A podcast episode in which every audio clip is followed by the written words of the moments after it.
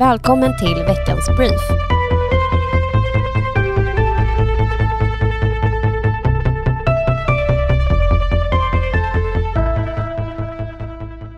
Elpriserna är fortsatt orimligt höga. Om man jämför med priserna i december 2021 och då man fick en S-regering 2014 har vi fått en höjning av elpris på 446 procent.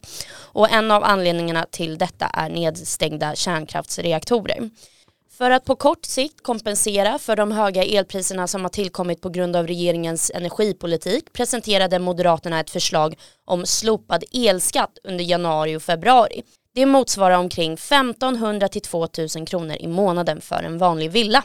Med oss för att prata om det här och vad förslaget innebär har vi Moderaternas skattepolitiska talesperson Niklas Wikman som också är riksdagsledamot från Stockholms län. Varmt välkommen. Tack så mycket. Om vi börjar då med de höga elpriserna, varför är de så höga och hur påverkas människor av det egentligen?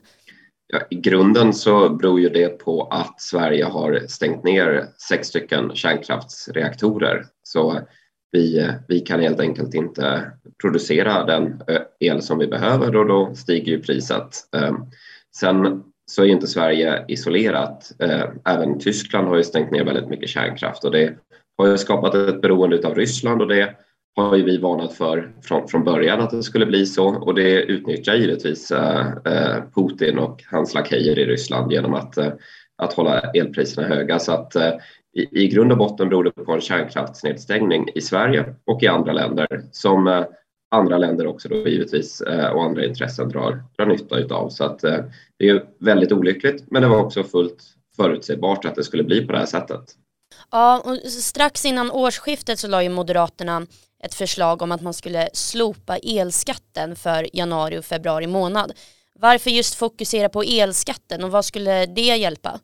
Det är ett enkelt sätt att, att ta ner eh, lite av bördan för, för hushållen. Det, det går ju inte med några ekonomiska medel kompensera för den stora dumhet som kärnkraftsnedläggningen är. För det, för det krävs det ju att vi bygger nya kärnkraftverk. Eh, men det går ju att mildra effekterna. Eh, och vi tycker det är orimligt att hushållen får bära en så tung börda för den dåliga energipolitik som har förts. Så då kan man med sänkt elskatt kompensera några tusen lappar varje månad när det är som, när det är som värst och det betyder givetvis väldigt mycket för, för många, för pensionärer och för barnfamiljer som har mindre marginaler i ekonomin men nu är tvungna att betala väldigt höga elräkningar. Så det är helt enkelt ett sätt att dämpa effekterna på, på hushållen av den mycket olyckliga situation som vi befinner oss i. Denna vecka så kom ju S-regeringen med också ett förslag för att lätta kostnaderna eh, där de eh, avsätter 6 miljarder för att ge bidrag till hushåll som har fått kraftiga höjda elräkningar. Så det kommer alltså inte gälla alla.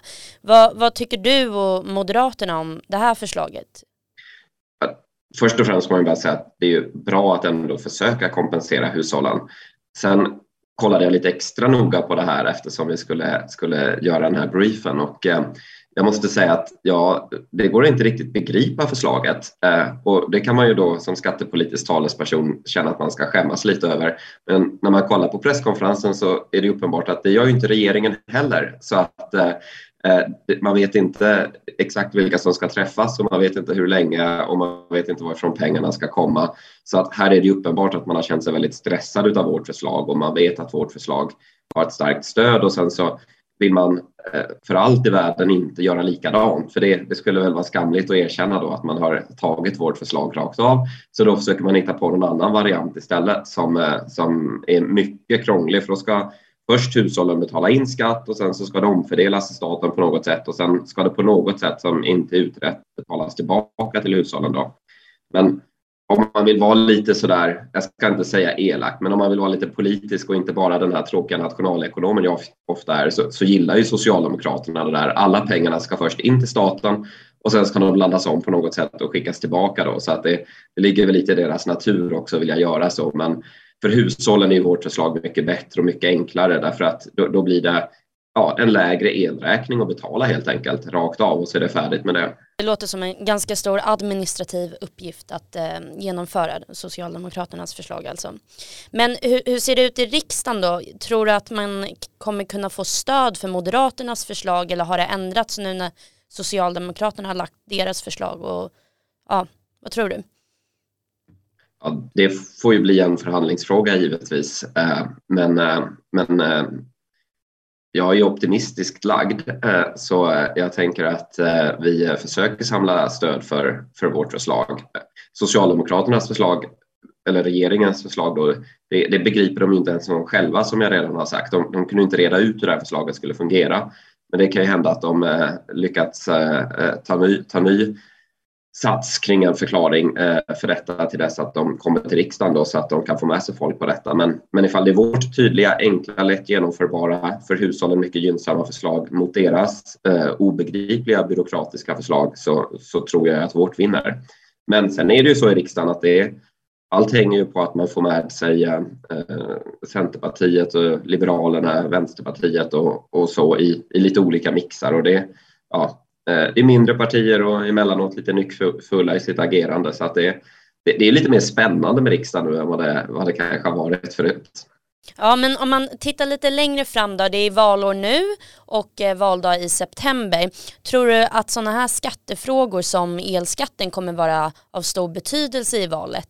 Ja, skatter brett kommer ju vara utav, eh, utav stor betydelse. Det, det, det, har ju, alltså, det finns ju en berättigad känsla av att man betalar väldigt mycket skatt, men leveransen tillbaka är, är rätt låg. Eh, man får inte den brottsbekämpning man betalar för och man får inte den skola man betalar för och det verkar försvinna massa pengar till saker som man inte vill betala för. Så skatter generellt eh, kommer ha en betydelse i, i, i valrörelsen. Inte minst måste man ju se över eh, de skatter som hindrar människor från att komma in arbetsmarknaden och försörja sig själva. Men energiskatten som vi nu har pratat om, men också givetvis bränsleskatterna. Bor man i Norrtälje, Södertälje eller en bit ut på Värmdö så är det ju väldigt dyrt för man är beroende av bilen. Man är ofta beroende av att ha två bilar för att få, få livspusslet att fungera. Och det har ju Magdalena Andersson och Mikael Damberg och gänget gjort väldigt, väldigt dyrt. Så att den här typen av skatter kommer nog spela en större roll i den här valrörelsen än vad de har gjort tidigare. Men sen långsiktigt så är det klart att det behövs ett svar på hur, hur vi ska se till att, eh, att få en trygg och stabil elproduktion. Då blir ju skatten mindre viktig givetvis ifall elen levereras. Och där är det väldigt tydligt att vi behöver bygga ny kärnkraft i Sverige. Socialdemokraterna å sin sida vill ju bygga vindkraftverk överallt och det är inget fel på vindkraft, men, men de flesta människor vill trots allt inte bo granne med vindkraftverk och man vill inte förstöra eh, fina och viktiga naturmiljöer som till exempel Stockholms skärgård med, med vindkraftverk som ju Socialdemokraterna vill. Du Niklas, stort tack för att du var med i veckans brief och eh, förklarade allt det här. Stort tack. Moderaterna i Stockholms stad och län har också tagit fram en hemsida där man kan skriva in sin förbrukning varje månad och se vad det här eh, förslaget skulle innebära för sin egna plånbok. Och då är hemsidan minelrakning.se, så min elräkning fast utan ä.se. Gå in och kolla där. Strax innan julafton publicerade det ryska utrikesministeriet en utrikespolitisk önskelista som skickades till NATO och USA. Bland kraven fanns att Ukraina, Sverige och Finland inte skulle bli medlemmar i NATO samt så ska NATO dra tillbaka trupper och vapensystem från samtliga länder som blivit medlemmar efter 1997. Den ryska inställningen är att detta är det enda sättet att undvika krig i Europa och då framförallt i Ukraina. Där man har flera hundratusentals ryska soldater som samlas vid den ukrainska gränsen. För att prata mer om det här så har vi med oss Karin Enström som är moderat riksdagsledamot men också tidigare försvarsminister i Sverige. Varmt välkommen Karin. Tack. Jag tänkte först bara, det här med en väpnad konflikt, är det nära Europa nu? Eh, kan vi hamna i en väpnad konflikt som ja, många eh, väljer att säga att det komma skall? Alltså vi är i ett allvarligt säkerhetspolitiskt läge och många bedömare säger nu, och det är också min bedömning, att eh, så här, så här nära eller så här dåligt har det inte varit på länge och det är, det är Rysslands fel. Eh, det är helt uppenbart. Man vill ändra på den europeiska säkerhetsordningen och eh, man har också visat tidigare att tröskeln för att använda våld, den är lägre än vad vi har trott.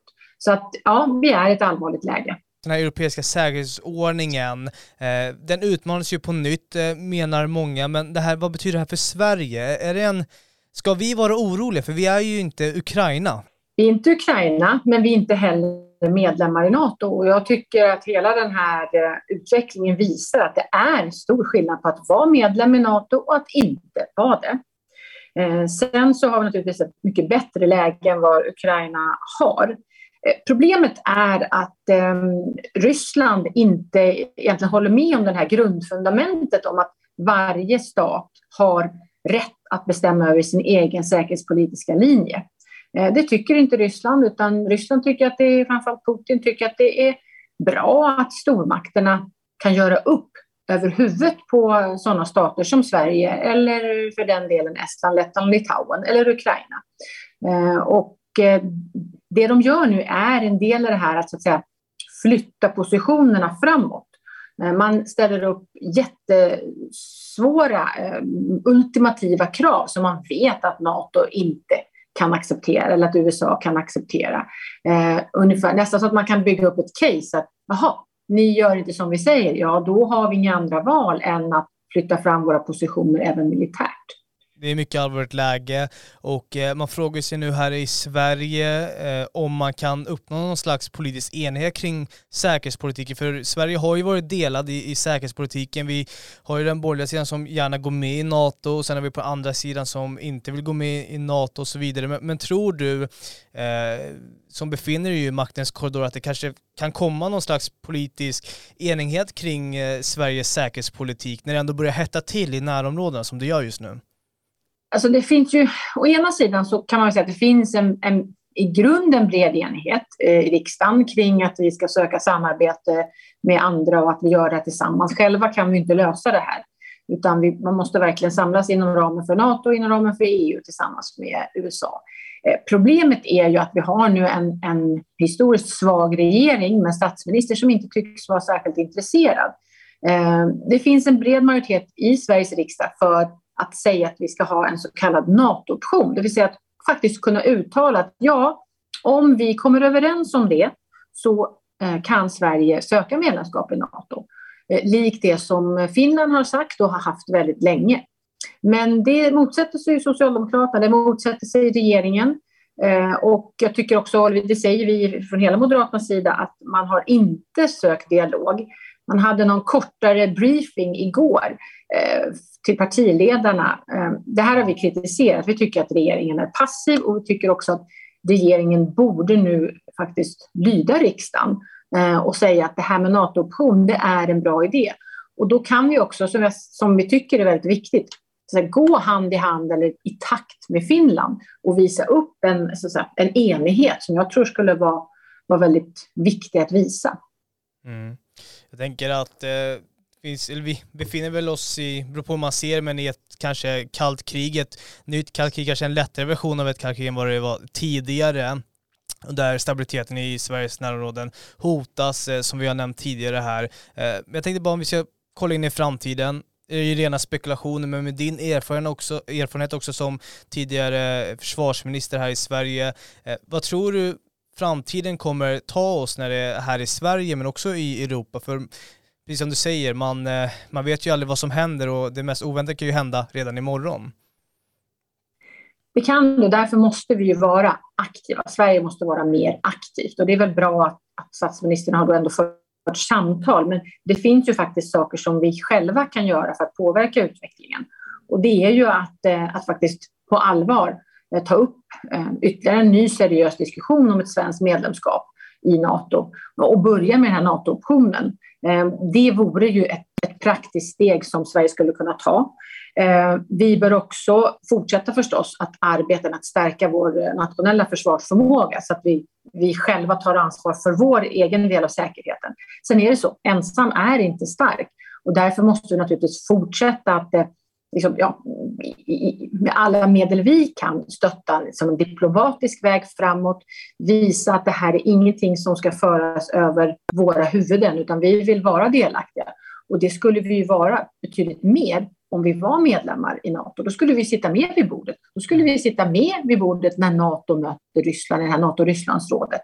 Inte för att jag tror att just de mötena kanske idag leder till, till så många så många resultat. Men istället för att stå vid sidan om, som vi faktiskt gör nu, så skulle det på allvar ha betydelse om vi kliver fram. Och helst så, så vill vi göra det tillsammans med Finland. Och där tycker vi att, att regeringen är svag.